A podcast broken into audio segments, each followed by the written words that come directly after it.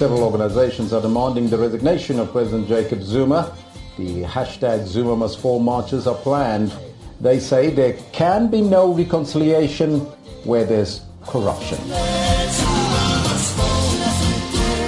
Toe president Jacob Zuma, finansminister in Nhlanhla verlede jaar in 'n verrassende laatnag besluit vervang het met die onbekende Des van Rooyen en toe teruggekrabbel het om Pravin Gordhan weer aan te stel, het die kritiek teen hom in veelvoud toegeneem. Landsburgers vanuit alle sfere het bymekaar gekom om sy kop te eis. Well, a very good morning to you, Albus. Well, scores of South Africans have gathered here at the Nelson Mandela Bridge. Just they're calling for an end to corruption. The people of this country don't like being taken for fools.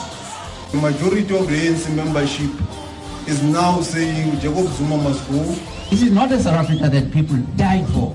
This is Zuma's South Africa, which we do not want.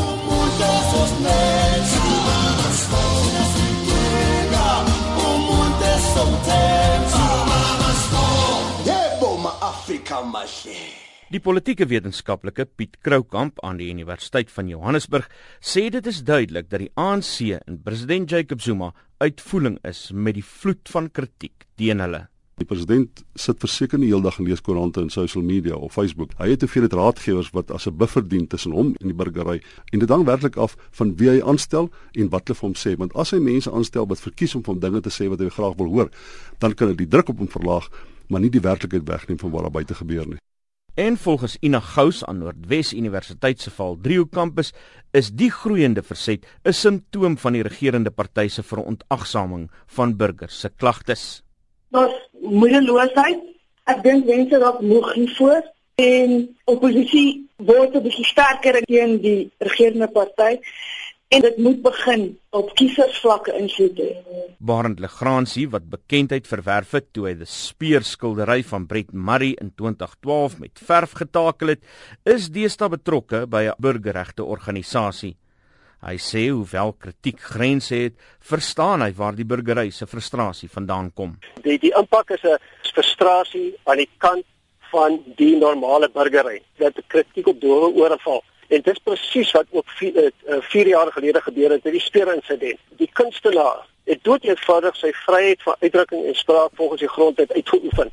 As gevolg van frustrasie omdat normale debatvoering nie die president en die, die korrupte aansering regering kan oortuig en dit kom weg van die werklike oorsaak af en dit is dat ons sit met 'n korrupte regering, 'n korrupte president wat eintlik nie daar hoort nie. Die sielkundige Dion van Sail beamoed dit Eers raak mense geïrriteerd met alles wat verkeerd loop, dan word hulle moedeloos, later magteloos, daarna kom die woede wat die dam wil laat breek en dan kom die kollektiewe gedrag, sê van Sail. Die oppositie byvoorbeeld is nou meer inklusief in die aangesig van 'n gedeelde eksterne bedreiging. Dan is daar meer interne kohesie want dit is een van die buffers teen stres is om om in 'n sterk sosiale netwerk of 'n binnegroep uh, jouself te versterk. Dis iets wat duidelik geword het uit gister se byeenkoms van amper 200 burgerlike organisasies onder die vaandel van Unite Against Corruption. Hier het die vakbond mans Welenzima Wawi en Cheryl Carolus saam met talle ander mense hul misnoë met die president en die ANC te kenne gegee. The people who voted to basically stand and dance on top of the most sacred document of our land, its constitution, are the very same people who defied guns, bullets, tear gas, torture, exile life, and everything. And yet today, they prepared to do anything to register their name to their corrupt master as loyal servants. I never thought I would stand up in public and say how deeply sad I am about what happens in my parliament of people I voted for. Die probleem is net, sê oudminister Leon Wessels, dat kritiek soms 'n papegaai oefening kan word waar mense 'n groot lawaai sonder enige uitkoms maak. Jan en Sunny Alleman moet hulle hand aan die ploeg slaan. Hulle moet registreer as kiesers, hulle moet betrokke raak, hulle moet mobiliseer. Maar daar's 'n laaste opmerking wat ek graag in die verband sou wil maak en dit is naamlik dat geen land word deur sy staatshoof gedefinieer nie. Die ander groot probleem is die apatie wat onder sommige groepe posgevat het, sê Steve Hofmeyer wat hulle keer of wat saam met president Zuma gebraai het en deesdae sy lyf aktivis ook hou ons toe toe baie sleg. Ek dink ons knie is bou vir toe toe nie. Um, ek onthou ek het al 15 jaar gelede begin om om groepe te mobiliseer om te loop.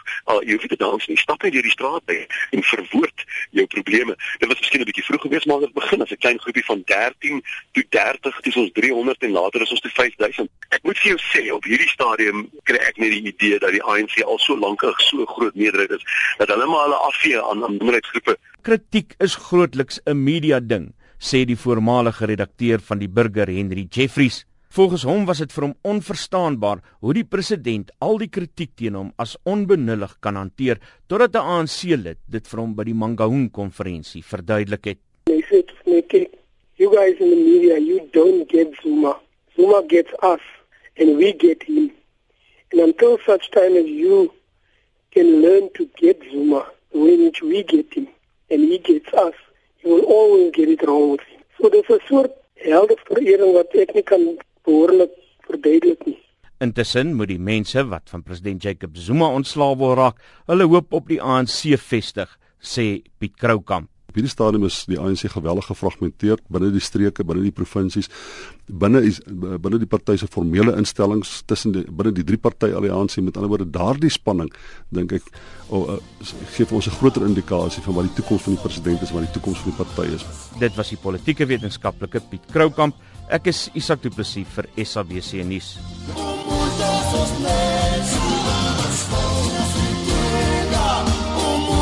Sometimes Afrika mahle